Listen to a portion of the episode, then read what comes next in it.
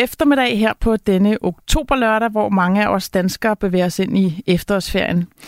Det betyder ikke, at der er ferie hos Spørg Lægen. Tværtimod, som alle andre lørdage, slår jeg dørene til radiokonsultationen op, og vi skal både højt op og flyve og helt ned på alle fire, og så skal vi have et par lyttere på banen.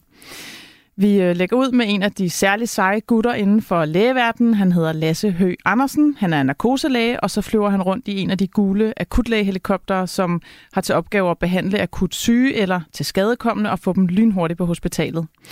Hvordan øh, må det føles at hænge i luften med en akut syg patient? Det kommer han i studiet og fortæller om. Bagefter kommer der en rigtig hundeven på besøg, når det skal handle om vores firbenede venner. Vi skal tale om det korps af frivillige besøgshunde og deres ejere, som bidrager til liv og glæde rundt omkring på plejehjem og andre institutioner i Danmark. Det er Trykfonden, som står bag ordningen, og vi skal høre om, hvorfor det giver så god mening at bruge dyr som besøgsvenner.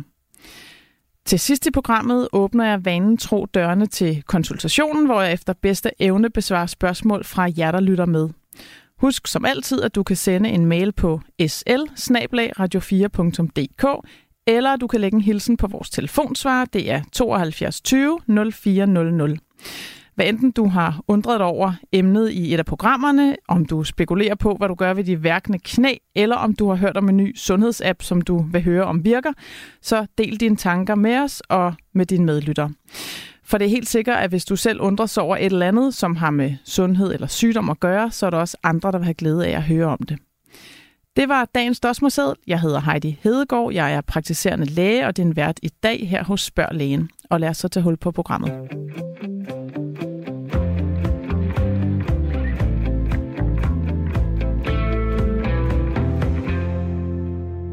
Siden vi startede programmet her hos Spørg Lægen, har jeg og min medvært Michael Christensen haft for vane at inddrage dig, der lytter med, en lille smule i vores hverdag som læger.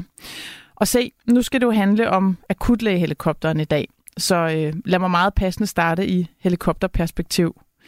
Mit eget perspektiv, det er jo, at jeg er speciallæge i almen medicin, og det er altså ikke et særligt akut speciale. Det ligger faktisk rigtig langt fra, hvad der sker i en akutlægehelikopter det er klart, at jeg ligesom alle andre læger skal kunne reagere på en håndfuld akutte tilstande og dels sende bud efter den rette behandling, men også i nogle tilfælde selv opstarte behandlingen i de første kritiske minutter. Der, hvor jeg praktiserer, nemlig i København, der er der kort afstand til for eksempel Rigshospitalet, så her har jeg aldrig haft behov for at tilkalde en helikopter. Det går øh, hurtigt nok med en ambulance. Så jeg må indrømme, at øh, det er ikke meget erfaring, jeg har med helikopter i mit lægeliv. Jeg har en enkelt gang været med til at overflytte en patient fra et lokalhospital til et universitetshospital. Patienten var faktisk pårørende til en anden patient i den medicinske afdeling, hvor jeg arbejdede, og under et besøg så fik han pludselig meget kraftige brystsmerter, som strålede ud i den ene arm og op i halsen. Vi fik lynhurtigt taget sådan et hjertediagram på ham, og det viste sig meget tydeligt, at han havde en blodprop i hjertet af den type, som kan behandles med en akut ballonudvidelse af det blodkar oppe i hjertemuskulaturen, hvor blodproppen den sidder. Det er ikke et hvert hospital, hvor den her behandling foregår, og det skal derudover ske ret hurtigt, i hvert fald inden for maks et par timer. Og så er det altså rigtig rart at have en ven i en gul helikopter, som man kan ringe til, og som meget hurtigt er fremme. Manden han øh, blev overflyttet, og han overlevede, øh, men udover at være til stede i afdelingen, så var jeg ikke involveret i selve overflytningen, og jeg har aldrig været så heldig at sætte min ben i en helikopter. Og derfor, ja, så vælger jeg altså at flyve lidt hurtigt hen over emnet, og i stedet hoppe ombord hos en af luftens helte. Her i vores lille land er afstandene små og som regel meget mere favorable end mange andre steder i verden, hvis man vil hurtigt frem. Samtidig så har vi en del beboede øer, hvor, der er, hvor det er lidt mere svært, besværligt med transport. Men uanset hvor i landet vi bor, så er vores sundhedsvæsen organiseret med et akutberedskab af ret høj kvalitet.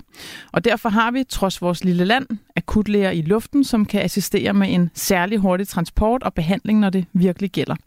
Og her ved min side, der har jeg dig, Lasse Høgh Andersen. Du er anestesilæge, eller det vi på dansk kalder narkoselæge. Velkommen til. Tak skal du have.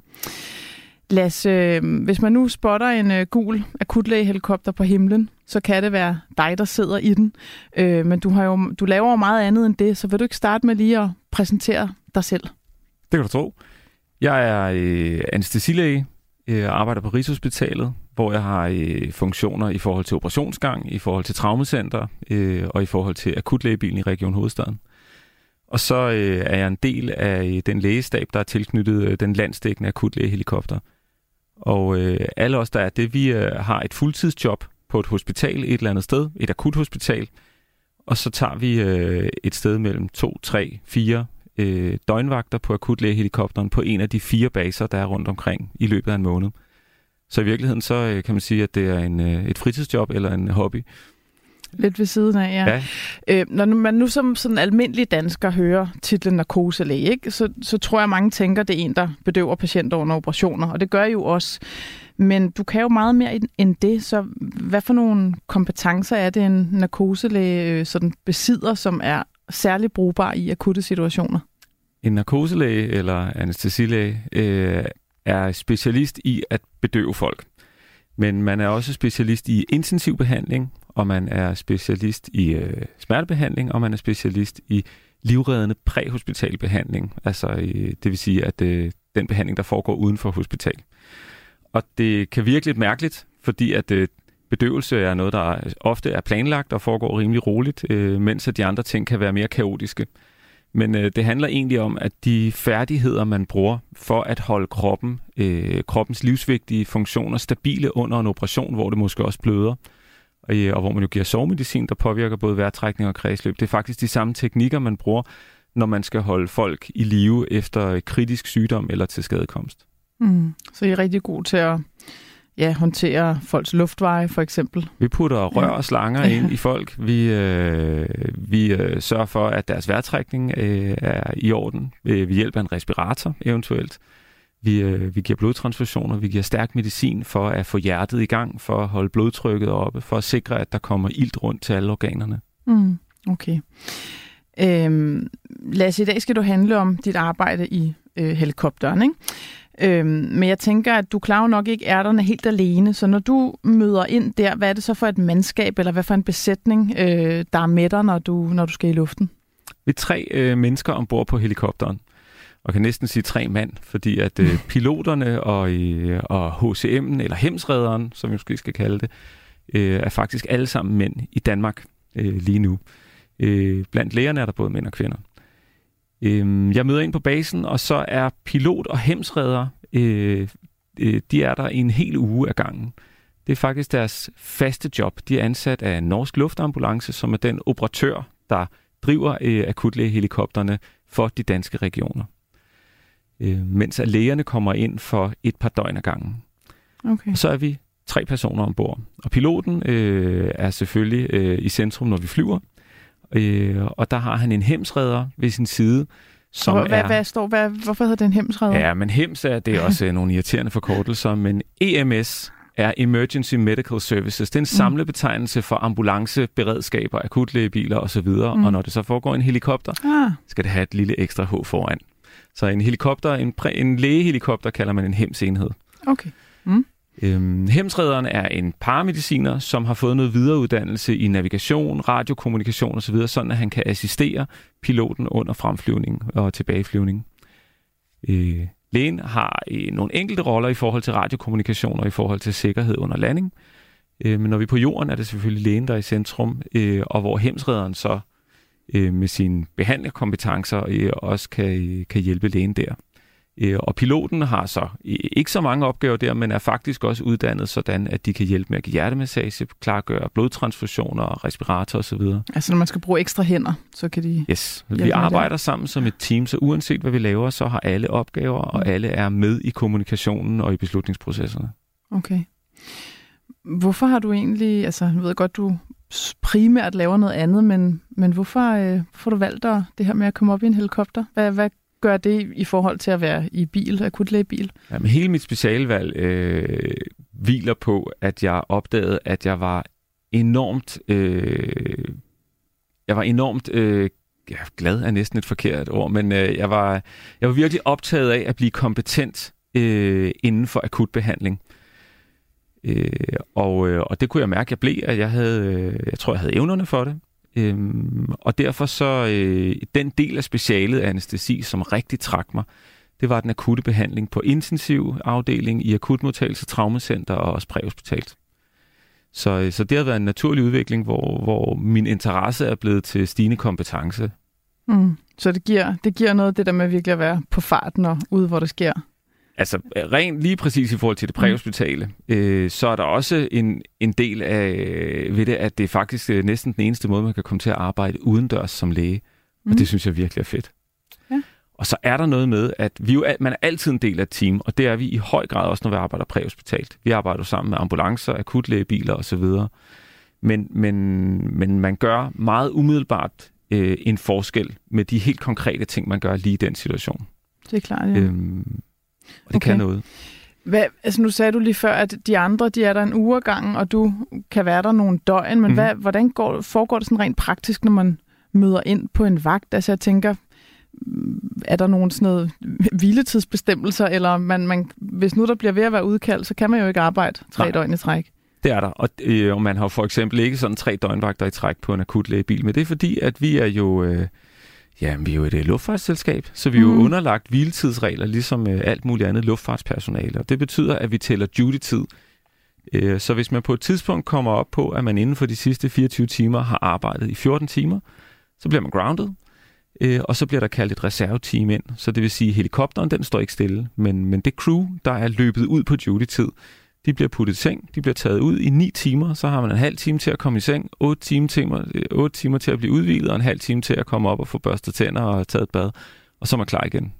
Okay, så der er altid et, et hold to parat, kan man sige. Det er der, ja. ja. ja. Og, men de fleste gange bliver de så aldrig kaldt ind, eller, eller sker det tit? Det sker jævnligt, det sker ja. hver uge, og det sker nogle gange flere gange på et døgn. Vi har jo fire akutlægehelikopter. Okay. Okay. Især om sommeren, så kan der være rigtig travlt. Vi er jo en flyvende akutlægebil, der øh, betjener det, som man øh, kan kalde udkants Danmark, mm. øh, eller bruge et øh, med, mere flatterende ord om, men, øh, men, men som er en stor del af udligning i øh, ulighed i sundhed i forhold til de akutte tilstande. Og når, når så om og sommeren, det betyder, er det fordi folk er på ferie, eller hvad? Det, yes, ja. når hele Østerbro og Vesterbro tager ud på de små øer ja. og ud til Vesterhavet, øh, og ud til vandkanten i Region Sjælland, så stiger befolkningsantallet øh, altså betragteligt. Du kan også bare spørge Bornholmerne. Ja. Og øh, så skal de køre motorcykel, de skal grille, de skal fælde træer, de skal surfe, det hele. Ja, så kommer det til skade. Yes, ja, okay. der er flere mennesker, og der er mere aktivitet. Ja, okay. Øhm, når nu I så er på basen, eller hvad det hedder, øh, hvor helikopteren er, øh, og I så får en opgave, hvordan øh, bliver teamet så tilkaldt? Altså, hvordan, hvordan er proceduren fra, øh, fra opkaldet, eller kommer, eller alarmen går? Vi er på basen hele tiden, mm. øh, og øh, er altid tæt på hinanden. Det er ikke en kæmpe stor base. Øh, men vi har en radio på os, og den begynder at hyle, og så står der en adresse. Og så samles vi med det samme omkring øh, vores sådan, øh, planlægningsområde, øh, hvor vi har nogle store kort og nogle store skærme, hvor vi kan se vejr, og hvor vi kan zoome ind på kort. Mm. Og der kan vi læse mere om meldingen, se øh, hvornår det skete det her, øh, hvad er det, det drejer sig om. Og så kan vi zoome ind på landingsstedet øh, og se, hvordan er landingsforholdene. Og vi kan lige tjekke vejret, som piloten sådan løbende følger med i, så man ikke skal starte helt øh, fra bar bund med at tjekke vejrudsigt. Og så, øh, og så går vi ud i helikopteren, kører den ud af hangaren. Den kører på sådan en lille trolley på nogle skinner. Mm. Øhm, og så gennemgår vi et øh, lynhurtigt start-check-up, som som er sådan en, øh, en hurtig udgave af det, der også foregår i et rutefly øh, op i cockpittet, når øh, piloterne tjekker, om flyet er klar til afgang. Og så tager vi afsted, og det skal være sket inden for fire minutter. Okay, så alt fra, fra radioen hyler til I samles og kigger på skærm og alt det der, øh, kommer i noget andet tøj, tænker jeg måske, mm. I har en dragt eller sådan noget, I hopper ja. i? Ja. ja. Det er hurtigt. Ja. Ja, fire minutter. Ja. Og er der nogen, altså klarer I selv det hele, eller er der en sådan flymekaniker på stedet, eller... Altså, der er bare os på basen, ja, okay. men, men uh, ligesom at uh, folks biler har et serviceprogram, så har helikopter et serviceprogram, mm. og den uh, servicebog er noget tykkere. så der kommer jævnligt uh, mekanikere til at løse rutineopgaver og lave rutinetjek, uh, og der er faktisk også en ekstra helikopter. For at drive fire uh, helikopterbaser skal du have fem helikopter, så de kan blive taget ud på service, og så kommer der en reservehelikopter, og så kan de ellers uh, skifte rundt. Ja, okay. Hvad, hvad med sådan noget sådan helt basale behov. Altså hvis man skal være fra opkald til man sidder og går i luften, hvis der skal gå fire minutter. Altså jeg tænker, nogle gange så øh, er man på toilettet, eller i gang med at spise, eller et eller andet. Vi har mange øh, måltider, der bliver efterladt kolde. Ja, okay. Og man har altid en myslibar i en af sine mange lommer. Ja, så det, det er sådan, man overlever. Og man tisser ikke, øh, når man skal. Man tisser, når man kan. Ja, godt. Så det er sikkerhedstisning. Ja, yes. okay. Øhm, hvad for en type patienter er der typisk tale om? Altså, hvad kan I blive kaldt ud til?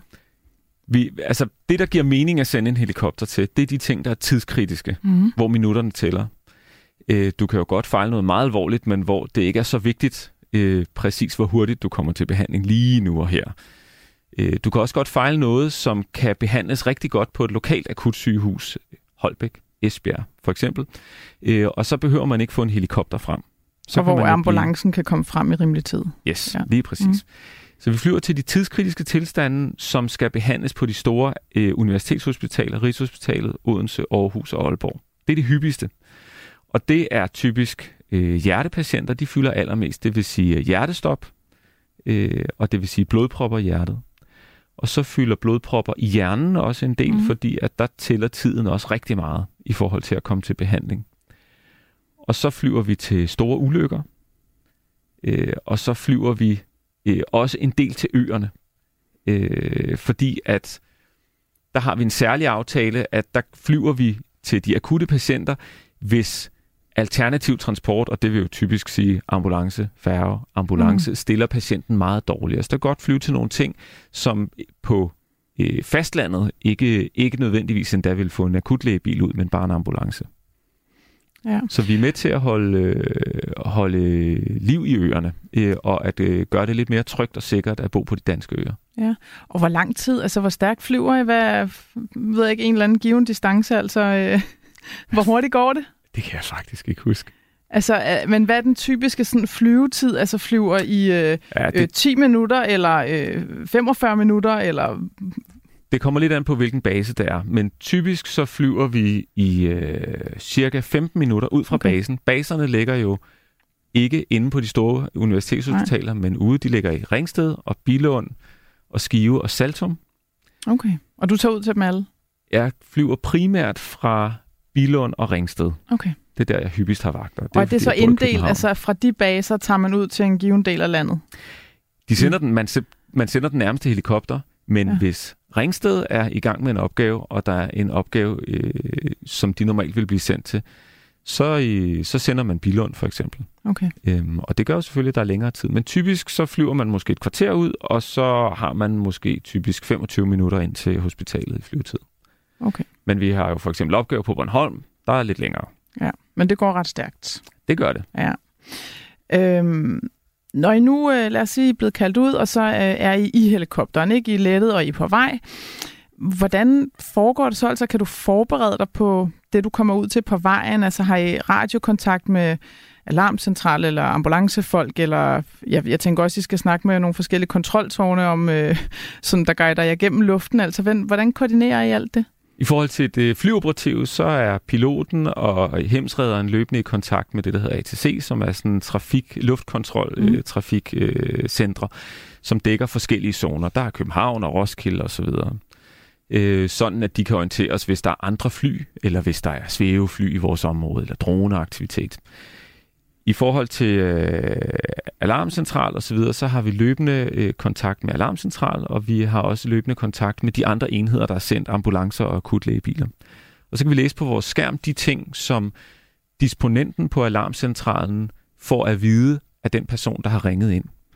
Så i, typisk så kan man måske få at vide bare, at øh, at man er sendt til et øh, færdselsuheld med øh, tre biler, øh, og at der er flere til skadekommende. Og så efterhånden, som de får hævet mere ud, og at, at dem, der ringer ind, får kigget på de til skadekommende, men så kan der komme, øh, så kan der komme flere detaljer på, øh, om det er voksne, om det er børn, om der er nogle mm. af dem, mhm. der er meget svært til skadekommende, eller om det begynder at se, se lidt mere fredeligt ud. Og vi kan faktisk godt øh, nå frem til nogle gange, at vi bliver afmeldt det er en helt normal procedure, både for akutlægebiler og helikoptere. Men kan det også være for eksempel, at der i første omgang til trafikuheld øh, for eksempel bare er blevet rekvireret ambulancer, og så øh, finder de ud af, okay, det er ikke for godt det her, og så tilkalder jer efterfølgende?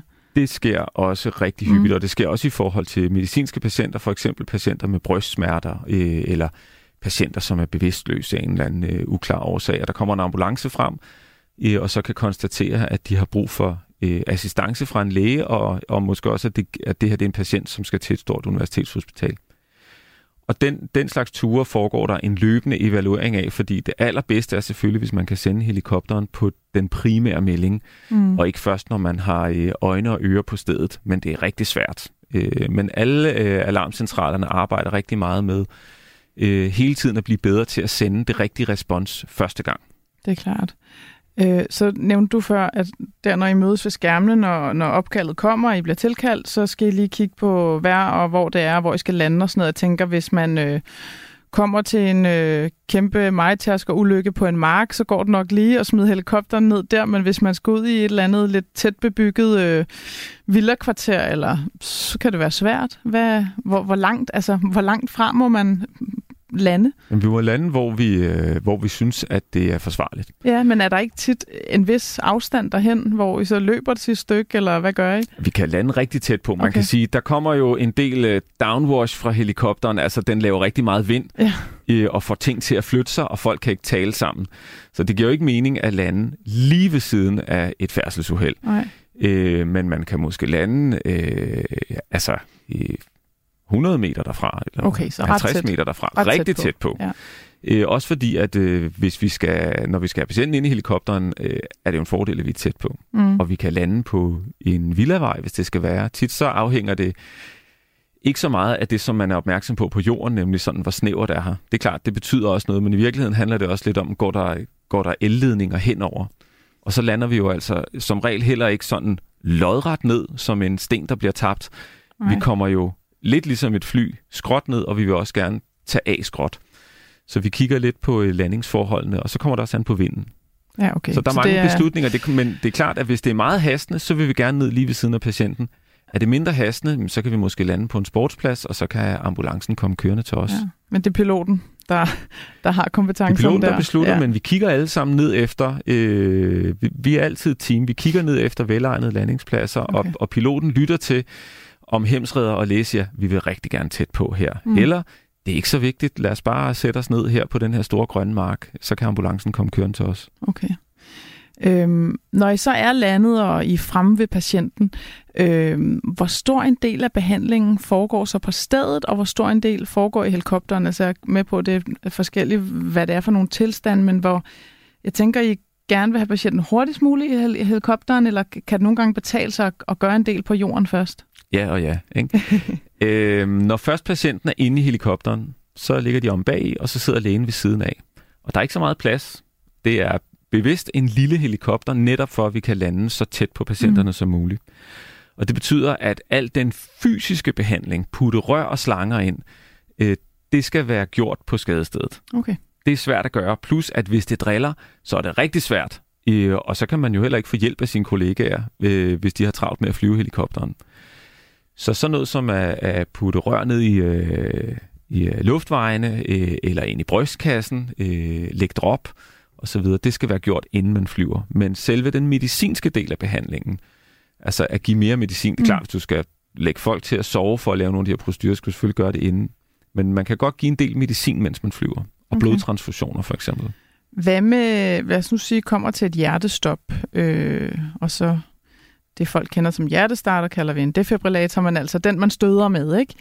Øh, skal det foregå på landjorden, eller kan det ske op i helikopteren? Det kan også være en, der får hjertestop undervejs jo mm, i helikopteren. Det kan godt ske i helikopteren. Okay. Vi har rigtig meget udstyr, ja. øh, og vi har øh, samme type udstyr, som ambulancerne har. En, en, en kombineret defibrillator og monitor, som også mm. kan vise blodtryk og puls og iltmætning i blodet. Det kan man sagtens. Og vi kan sådan set også godt give mekanisk hjertemassage, så har vi patienter, nogle gange flyver vi med folk, som stadig har hjertestop. I udvalgte tilfælde, så, øh, så kan man have en chance for at overleve, hvis man meget hurtigt bliver lagt på hjerte-lungemaskinen, selvom hjertet ikke er kommet i gang igen. Mm. Ja, så der er I nødt til at lave hjertemassage og sådan noget undervejs? Der har vi, der har vi en maskine, der giver mekanisk hjertemassage. Okay, okay. Mm. Og det var egentlig et af mine spørgsmål, øh, hvor meget udstyr har I med? Altså, men det er jo det er lidt svært at sige, om det er meget eller lidt. Men I, vi har meget. Ja. Vi har rigtig meget. Øh, vi har rigtig meget udstyr, og det, det er en konstant balance, fordi at øh, øh, man har rigtig mange mennesker ansat, som alle sammen brænder for præhospital øh, behandling, og som har ekstremt høje kompetencer. Mange tager til udlandet og arbejder kommer tilbage med inspiration. Der er konstant ønsker om nye ting og teknikker, og det skal hele tiden afvejes mod, at øh, helikopter må simpelthen ikke blive for tung. Det er øhm. klart, ja, så den er, den er godt pakket. Ja. Øhm, så når du flyver tilbage ikke, og skal aflevere patienten på et eller andet hospital, øh, så tænker jeg, at det tit må være et stort universitetshospital, fordi de har øh, nogle ekstra kompetencer der. Men kan det i princippet være alle hospitaler, I afleverer på? Altså er det nogensinde et ikke-universitetshospital? Det kan det sagtens være. Ja. Men det hyppigste er, at vi afleverer på de store universitetshospitaler, fordi det er de patienter, det giver mening at sende helikopteren til. Ja. Men for eksempel, når vi har hentet en patient på en ø, jamen så skal de måske bare til lokalt akut øh, hospital, og så kan vi aflevere i Slagelse, Nykøbing Falster, Svendborg, Esbjerg. Har, har alle sådan en, øh, altså for eksempel en Paris Hospitalet ved, og der har de jo en stor, flot øh, helikopterlandingsplads op på taget, ikke? Hvad med de små steder? Det har de ikke alle sammen. Der er faktisk nogen, og det, jeg tror, at nogle af de hospitaler vil øh, være ked af, at du kalder dem små. Men, øh, men, men der er nogle af hospitalerne, som har en helikopterplatform. Faktisk har Esbjerg okay. fået en på taget, som øh, er utrolig fin og velfungerende. Øh, andre har, det mest almindelige er, at man har en helipad på et grønt område, lige udenfor, hvor man hurtigt mm. kan køre patienten ind. Men der er også nogle hospitaler, hvor vi lander på ret lang afstand og skal have patienten ind i en ambulance og køre det sidste stykke. Og det er klart, det gør, at det tager tid. Mm. Det tager lidt tid at omlade en patient og at gøre det sikkert, sådan at man i hele den proces øh, bevarer den øh, sådan øh, livreddende behandling. Ja, jeg tænkte også, når man, altså, det ved enhver, der har været på et hospital, at der, det kan faktisk tage noget tid at komme frem til en afdeling. Altså, er der tænkt i, kan man sige, infrastrukturen på hospitalet, at patienten kan komme nærmest direkte fra helikopteren ind til en operationsstue, eller hvad det nu skal være? Der er helt sikkert tænkt over det, men nogle steder har de lokale muligheder været sådan, at der godt kan være lidt langt. Ja, okay. Men de fleste steder er der relativt kort, men der kan godt være lidt langt. Mm. Øhm, så når I har afleveret en patient der, altså hvor, hvor hurtigt er I ligesom øh, klar igen? Skal I først hjem til basen og øh, opdatere, øh, altså putte benzin på, eller øh, have noget mere udstyr med, eller kan I flyve direkte videre? Altså, hvis vi har brugt al vores fuel, så bliver vi nødt til at refuele. Mm. Og på nogle af hospitalerne kan vi gøre det, øh, og på andre kan vi ikke. På Odense Hospital der er kommet tankanlæg, så vi kan refuele, og det betyder, at vi i højere grad er operative andre gange, hvis vi får en opgave, når vi flyver, vi, men vi kan løse opgaver med det samme, når vi flyver tilbage, men afhængig af, hvor langt det er. Mm, hvis vi klart. får en tur, så kigger vi på, om vi kan løse den, og ellers så må vi sige, jamen vi bliver nødt til lige at lande i Roskilde og tage noget mere fuel på, så det kommer til at koste 10 minutter ekstra på vores responstid. Mm.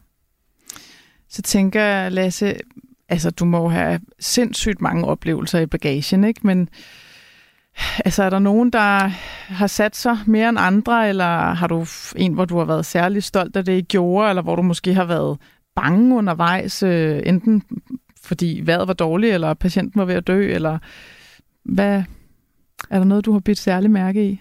Altså, jeg har arbejdet præhospitalt så mange år, at, øh, at efterhånden så grupperer øh, patientoplevelserne sig mere sådan i kategorier.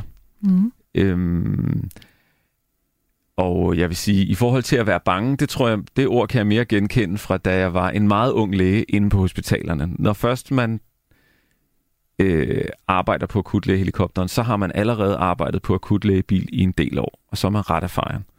Øh, så jeg har aldrig prøvet at være bange. Men, men vi oplever jo rigtig mange ting, som i og for sig er voldsomme, og som selvfølgelig øh, lager sig. Vi har jo øh, en del øh, ja, øh, oplevelser med børn og unge, som øh, dør eller kommer svært til skade. Og det er klart, at sådan noget, det sætter sig spor. Øhm, vi har også ulykker, som i sig selv er voldsomme, og hvor man er vidne til, at, øh, at folk enten dør eller får øh, ændret deres liv. Vi ser en del øh, arbejdsulykker, øh, i landbrug, øh, byggeri, øh, på skibe. Altså hvor man øh, kommer sådan svært fysisk til skade, så man ved, at du kommer ikke til at kunne gå igen, eller bruge din arm, eller... For eksempel. Ja. Øh, og det, i virkeligheden, så kan nogle af de tilfælde, hvor man kan sige, hvor det rent medicinske er, er overskueligt, og hvor patienten faktisk er stabil, men hvor man sidder ved siden af et menneske, som man ved øh, har fået ændret sit liv for altid. Mm. Øhm, og som måske heller ikke kan forsørge sin familie længere. Hvor man ved, at det her det er en helt families livsvilkår, der er ændret på et øjeblik på grund af uheld eller uaksomhed. Øhm, det kan være trist at være vidne til. Øhm, men så har man jo en opgave i forhold til at øh, varetage sikkerheden for det her menneske øh, i den her altså ekstreme krisesituation, de befinder sig i. Mm. Men vi ser jo mange ting. Vi ser jo også øh, social armod, øh, desværre. Øh, altså øh, psykisk syge, som har overfaldet deres egen familie. Øh, øh, forældre, altså hvor I som kommer har... ud og skal tage vare på familien, kan man sige, den der kom til skade. Ja, ja forældre, som har ja. gjort skade på egne børn. Øh, vi ser, øh, vi ser også øh, måske øh, udviklingshemmede øh, eller så videre, som, som lever under øh, under forhold, som er, som er uværdige øh, indimellem. Så vi kommer nogle gange til at se om bag kulisserne øh, og har en opgave i forhold til at, øh, at alarmere resten af samfundet, øh, underrette sociale myndigheder eller politi, når vi støder på nogle ting, som er helt forkerte. Og det er også nogle ting, man godt kan tage med sig i bagagen. Mm. Øh, kan du lægge det meste fra dig, eller er der noget, du tager med? Altså, vi, når vi læger som regel har oplevet et eller andet, øh, så laver vi det, der hedder en debriefing, ikke? Altså, hvor vi taler forløbet igennem, og hvad kunne vi gøre bedre, eller hvad oplevede du, og egentlig vi prøver jo at, at lægge det ære, selvom nogle ting, så dem husker kroppen jo resten af livet, ikke? Er det, er det sådan en ren rutine for jer at lave den her debriefing hver gang, eller? Vi har en meget stærk organisation, hvor der er meget åbenhed omkring, hvad man oplever, og hvor vi debriefer, altså evaluerer hver eneste tur. Og det gør okay. vi både med fokus på sådan de tekniske detaljer, så vi hele tiden filer på vores procedurer og bliver mere og mere skarpe og reagerer på de små uhensigtsmæssigheder, der kan være. Men så den også debriefing, en kan sige, rutinetur, altså det, selv alt, det mindste, det debriefer I på, yes, for at holde jer skarp. Ja. Mm. Og vi debriefer selvfølgelig også, øh, hvordan det egentlig har påvirket os psykisk. Og er det noget, som er meget voldsomt, jamen så kan man, så kan man blive taget ud et par timer og snakke med alle dem, som, øh, som var involveret. Mm. Øhm, og der er en god kultur i forhold til at følge op. Det er der. Men jeg vil sige, man er, man er lidt beskyttet i forhold til voldsomme oplevelser, når man har en stor andel i at behandle. I virkeligheden så ved vi inde på i hospitalet, at nogle af dem, som faktisk tager tingene tungest ind, det er dem, der står ved siden af og bare oplever det hele som mennesker. Øh, for eksempel dem, der bare skal tage en blodprøve, men som står og kigger på et barn, der får hjertestopbehandling i lang tid. De står der som mennesker 95% af tiden, og så har de en lille bitte opgave. Når du har en teknisk opgave, så er du en lille smule beskyttet. Og så beskytter erfaring. Så er du på, på opgaven? Altså. Ja, og så beskytter erfaring. De ja. første gange i min karriere, jeg stødte på voldsomme ting, der tog jeg det meget ind. Øh, og det betyder noget, hvis du i situationen er i tvivl, om du faktisk kan. Når først man har prøvet tingene en del gange, og man, og man ved, at man kan, så, øh, så beskytter det mod den meget ubehagelige øh, del af det. Ikke? Mm. Men, øh, men du holder aldrig op med at opleve det som menneske. Og vi ser jo folks ulykke, vi ser folks øh, afsked med deres forældre, med deres ægtefælle, med deres børn, øh, og prøver at hjælpe dem igennem. Ja, ja der, der er nok at tage i, i oplevelser, tænker jeg. Jeg kunne blive ved, Lasse. Det er jo altid spændende at høre om noget, der ligger langt fra ens egen hverdag, men øh, tiden indhenter os, og øh, vi må til at slutte af for denne her gang. Lasse Høgh Andersen, øh, læge i akutlægehelikopteren. Tak for dine øh, spændende beretninger og for at give lytterne et billede af, hvad der foregår øh, i luften øh, i lægelivet. Øh, tak fordi du ville være med. Tak fordi jeg måtte være med.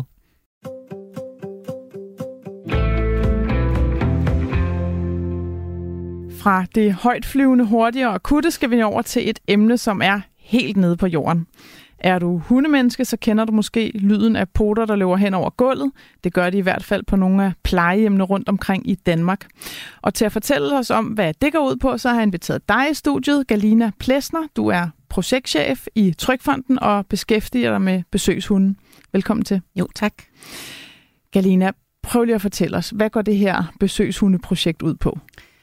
Trykfonden Besøgshunde går jo ud på, at der sidder mennesker ude på plejehjem i Danmark, som øh, rigtig gerne vil have kontakt til for eksempel hunde, og ikke har mulighed for at have det. Og øh, så er, har vi organiseret et frivilligt korps af private hundeejere, som gerne vil give noget tid øh, og dele deres hund med de mennesker, som gerne vil have kontakten. Mm.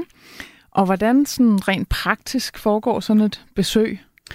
Det foregår ved, at en hundeejer er godkendt sammen med sin hund hos os, og har øh, lavet en aftale med et af de besøgssteder, som vi også har godkendt i vores ordning.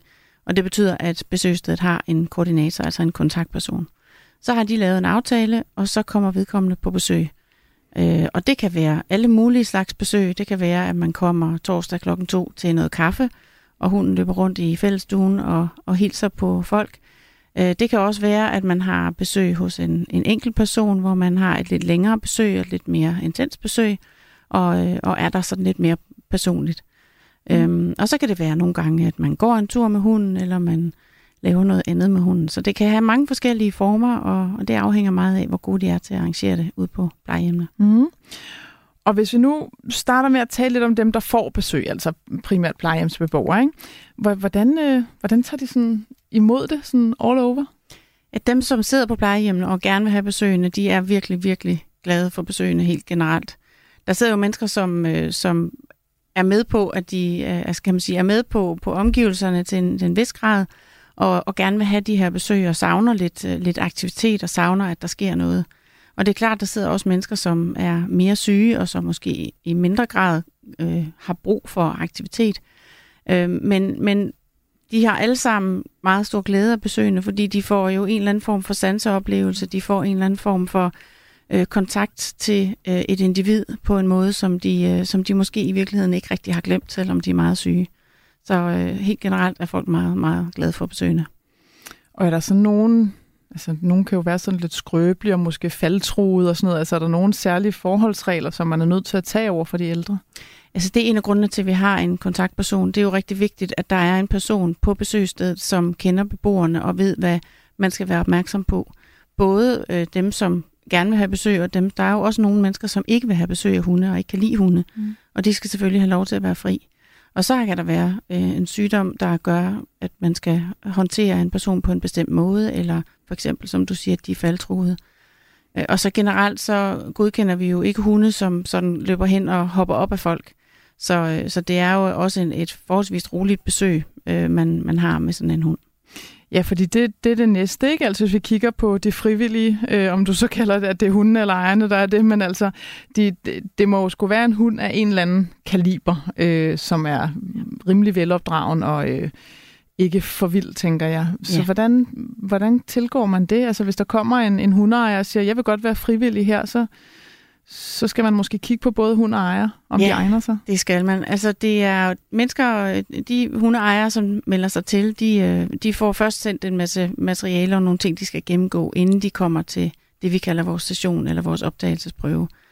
På, øh, og det skal de gøre på deres øh, profil, som de har oprettet, da de melder sig til. Øhm, og så håber vi jo, at de har tænkt over, at de har den rigtige hund. Det, det lægger vi i hvert fald op til i det materiale, at man skal give en kritisk tanke for det er en ret stor opgave, man beder hunden om. Mm. Når de så kommer til vores optagelsesprøve, så vil der være øh, en til at tage imod dem selvfølgelig, og så vil der først være en dyrlæge, som kigger på, om hunden har det godt.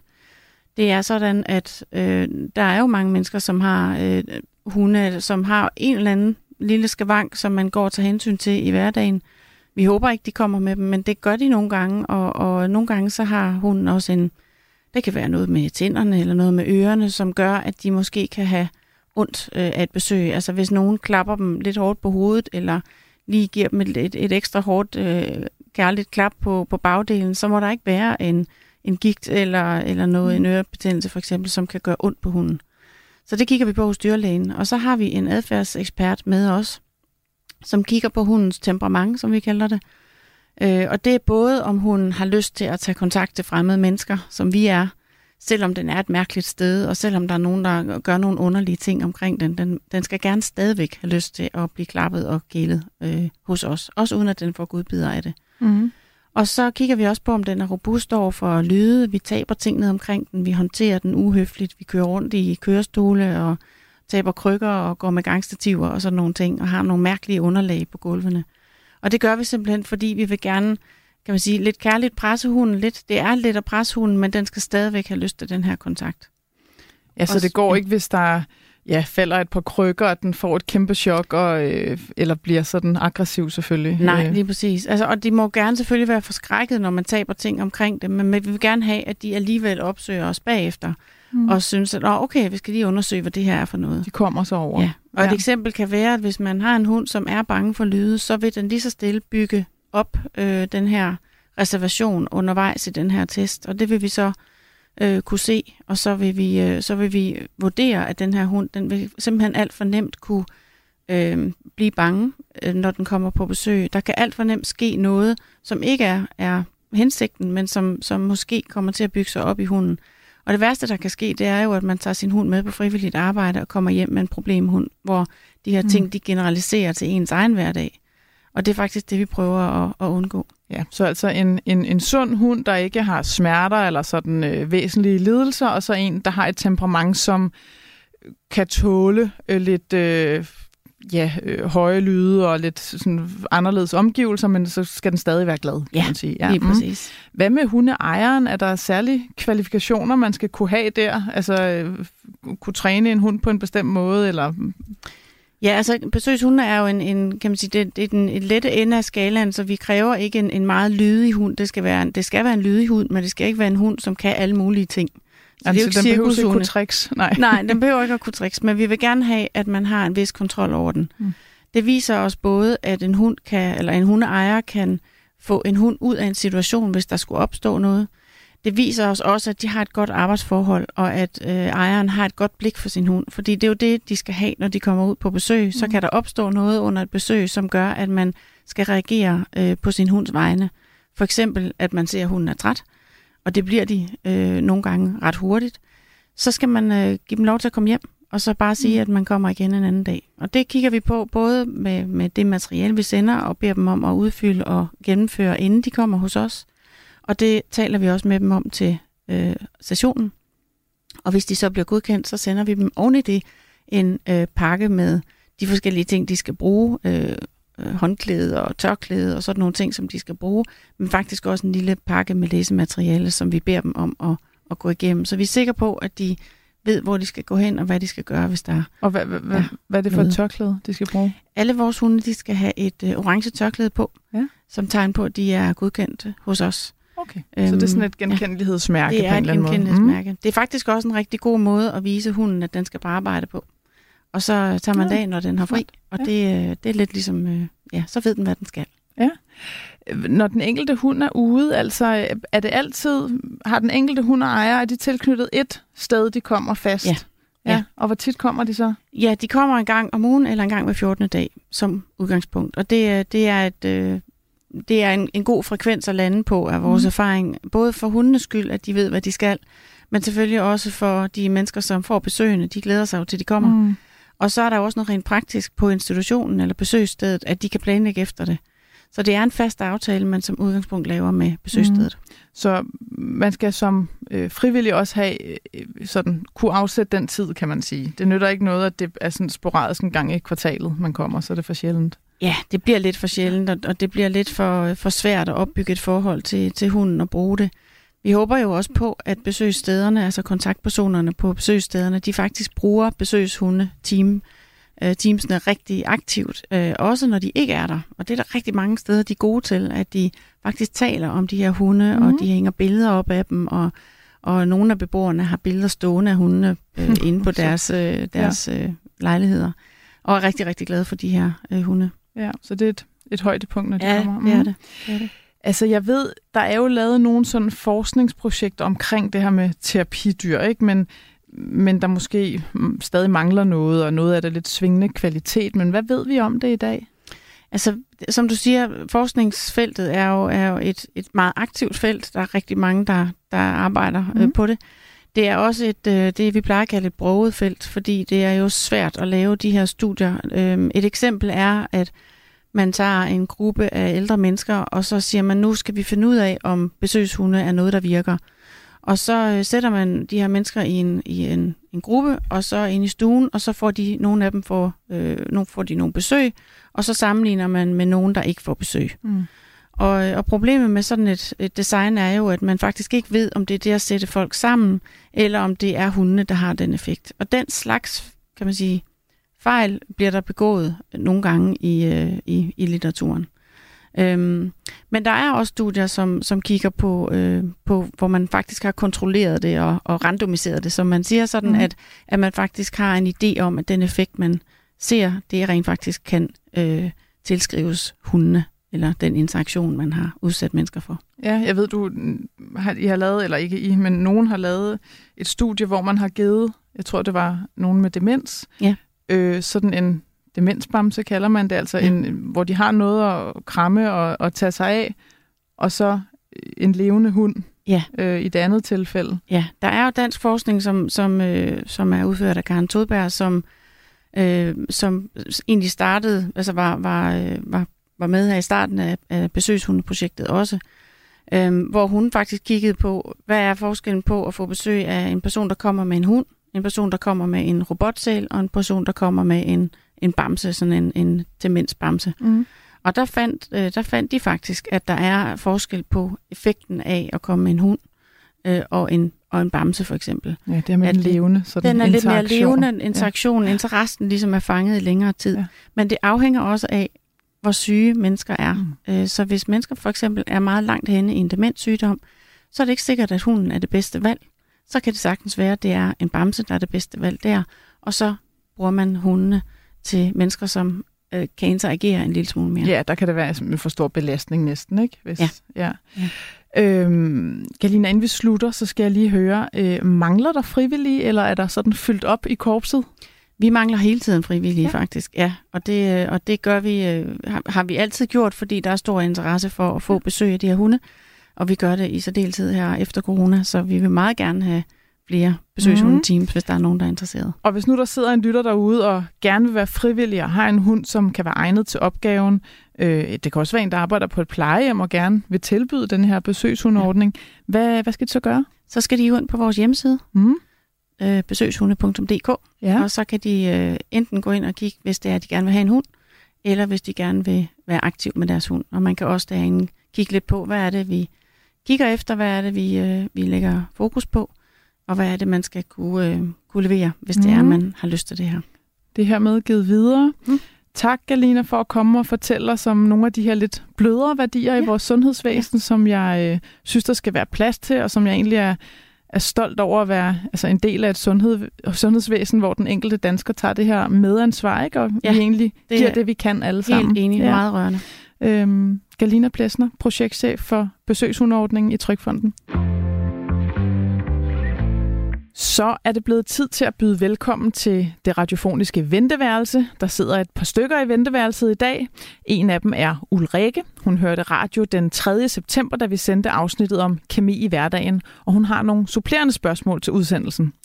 Og Ulrike, jeg har haft din mail liggende et stykke tid, øh, for den var faktisk ikke helt let at svare på, så jeg har forhørt mig hos et par specialister på området.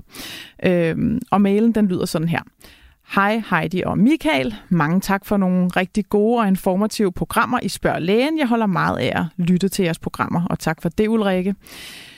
Kemi i omgivelserne var bare et af dem, jeg er meget, meget begejstret over, og nu bruger jeg appen Kemiluppen flittigt. Jeg vil meget gerne spørge jer om en kontaktallergi, den såkaldte gummiallergi, som jo er en allergi over for kemikalier, der blødgør diverse materialer.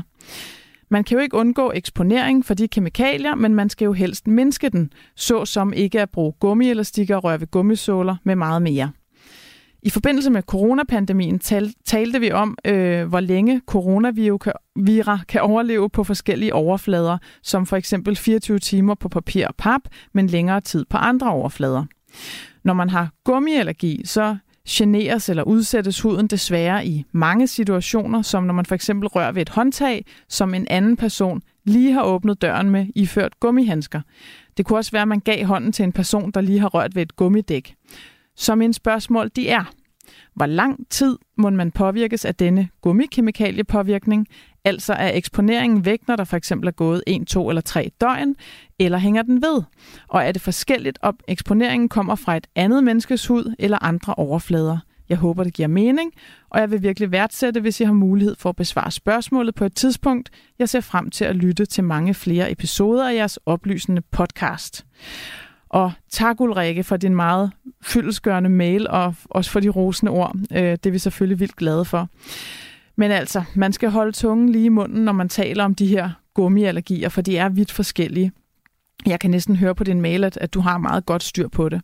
Øh, og for jer andre lytter, så kan jeg kort forklare.